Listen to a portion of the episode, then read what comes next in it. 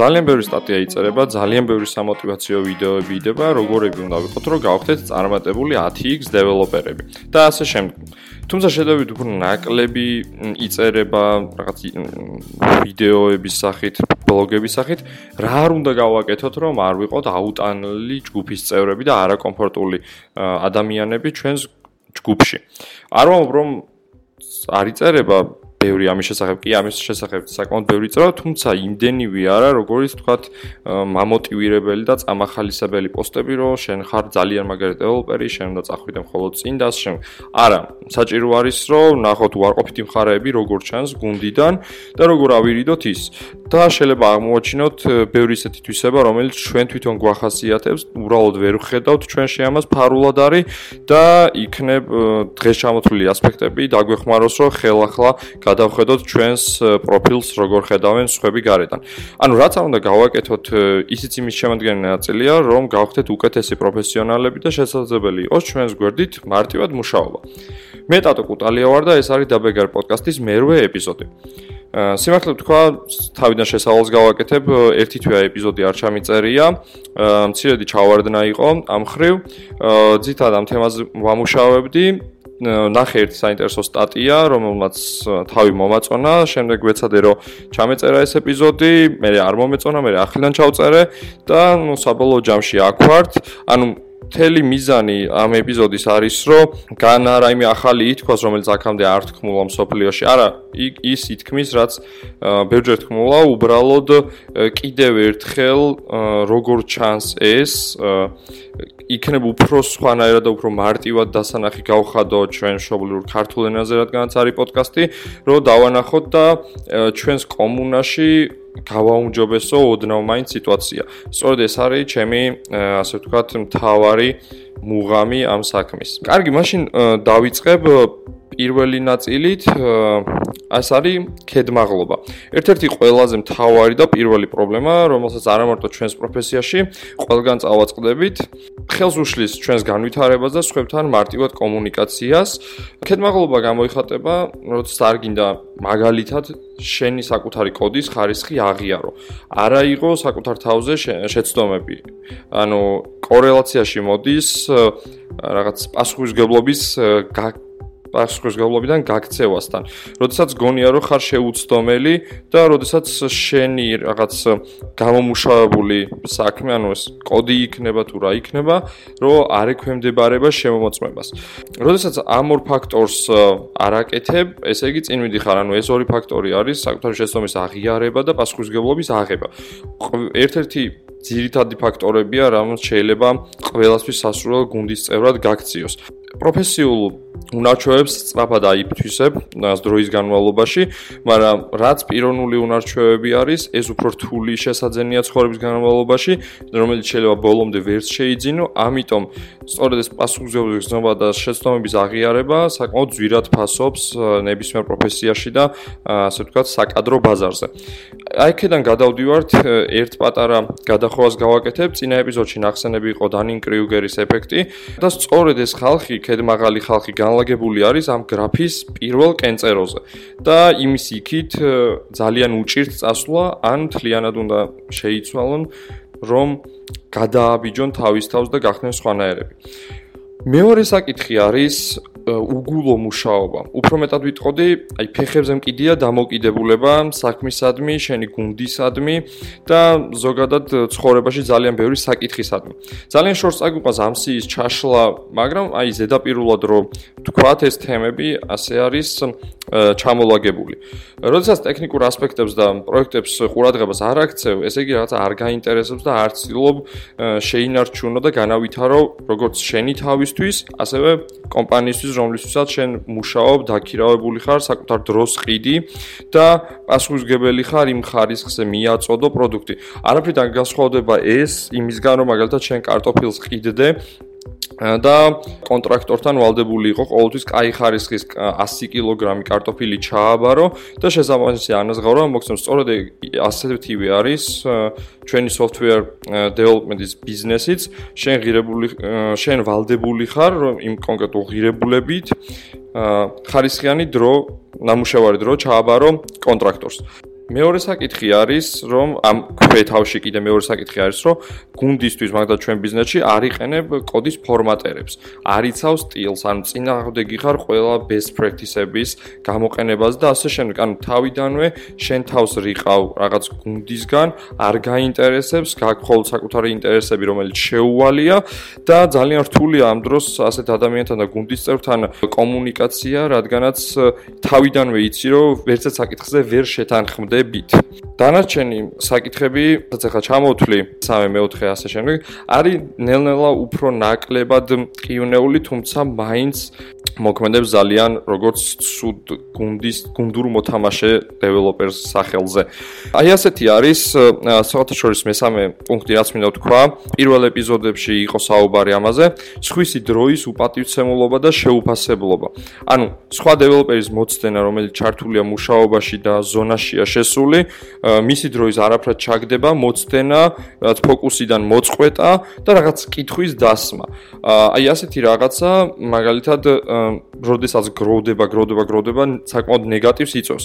ცალკე საკითხია ის დეველოპერი, ვისაც აწუხებ ზონაში უნდა იყოს თუ არა და რამდენად კარგია ზონაში შეცვლა, შესვლა სამუშაო დროს, ამაზე ცალკე ეპიზოდს დავწერ, იმიტომ საკმაოდ საინტერესო თემაა და ძალიან ბევრი მიფიქრია ამაზე. გაომიკლევე და ვის წიგნებსაც ვარჩევდით რობერტსი მარტინს.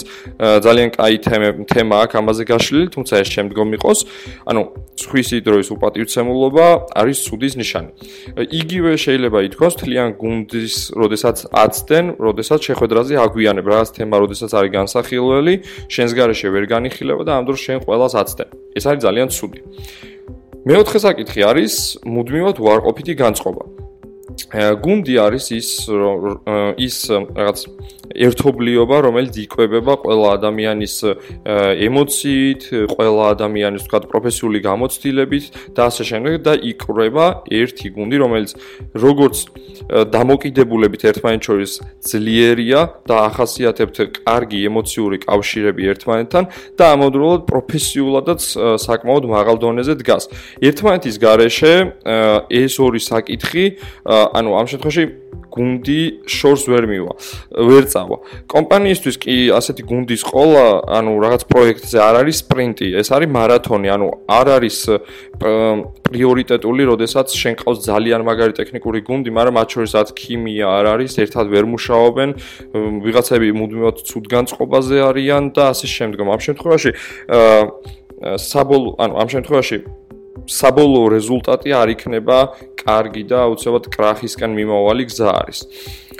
მეხუთე ნაწილი რაც მინდოდა მეთქვა, ფიქრობდი ამაზე ჩამესვა თუ არა არის სიხარბე.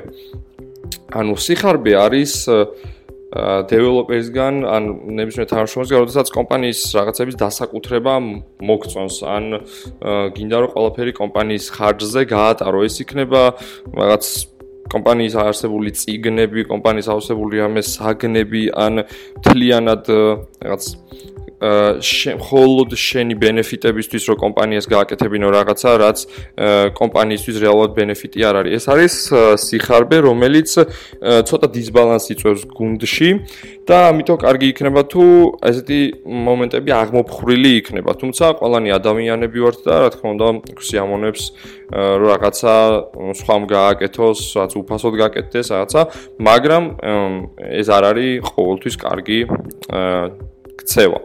აა გუნდის უგუებელყოფა, ეს საკითხი მე-6 ნომრად ჩავნიშნე, მეორე მესამე იყო, როდესაც აი ფეხებზე მკიდია დამოკიდებულება და ისეთი რაღაცა, როდესაც სხვის დროს არც ემპათიის, მაგრამ გუნდის უგუებელყოფა კიდე ოდნავ სხვა რაღაცა არის. ეს არის, როდესაც შენ საერთოდ არ ითვალისწინებ გუნდში არსებულ წესებს, არა მარტო კოდთან დაკავშირებით, არამედ ზოგადად, არანაირი კოდექსი შენ გუნდში შენ არ გაინტერესებს, პატივს არსემ საერთოდ ერთად გასატარებელ დროს. როდესაც პირადად მე ჩემ გუნდის წევრთან ერთად ჩვენ ერთად გავდივართ ხოლმე კინოშიც, ერთად ვატარებთ რაღაც დროს სამსახურის მერეც, გავდივართ რაღაც სპეციალური დროები გვაქვს კვირის დღეებში, შესაძაც ერთად გავდივართ ახალ ადგილების სანახავად, თქვათ ლანჩზე, ასე შემდეგ, ასე შემდეგ და ეს არის ის მომენტი, როდესაც ჩვენ შეგვიძლია ერთმანეთი უკეთ გავიცნოთ, ერთად გავატაროთ დრო და ერთმანეთს დაუახლოვდეთ.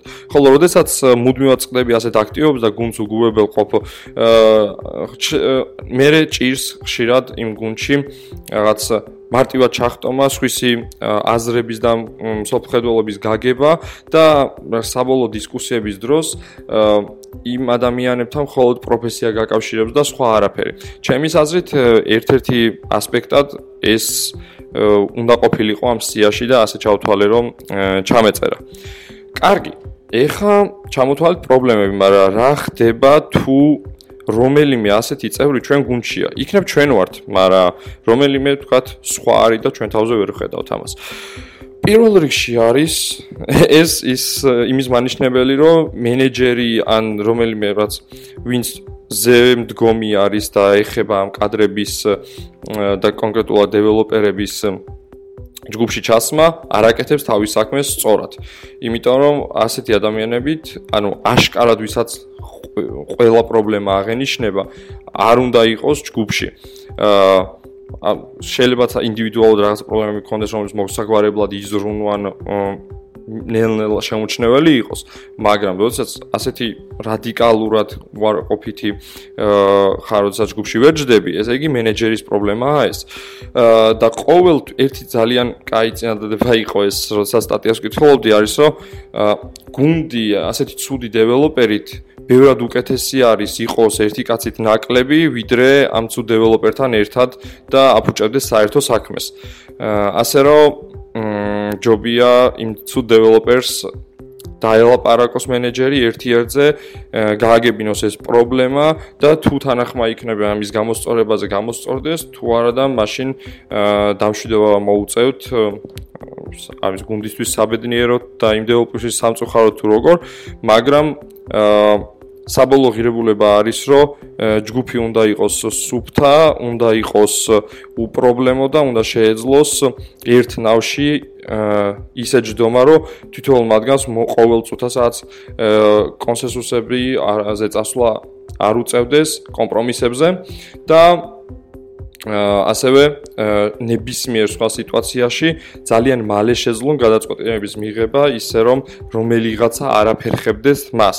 ეს არის კომპანიისთვის საბოლოო ჯამში ბევრად კარგი სტრატეგია, ბევრად ფულად სახით მომგებიანი და ასევე ყოველი ახალი ჯგუფის წევრისთვის ვინც დაემატება ამ გუნდს, ეცოდინება ეს წესები და უფრო მარტივი იქნება მისი ამ გუნდში გაწევრიანება.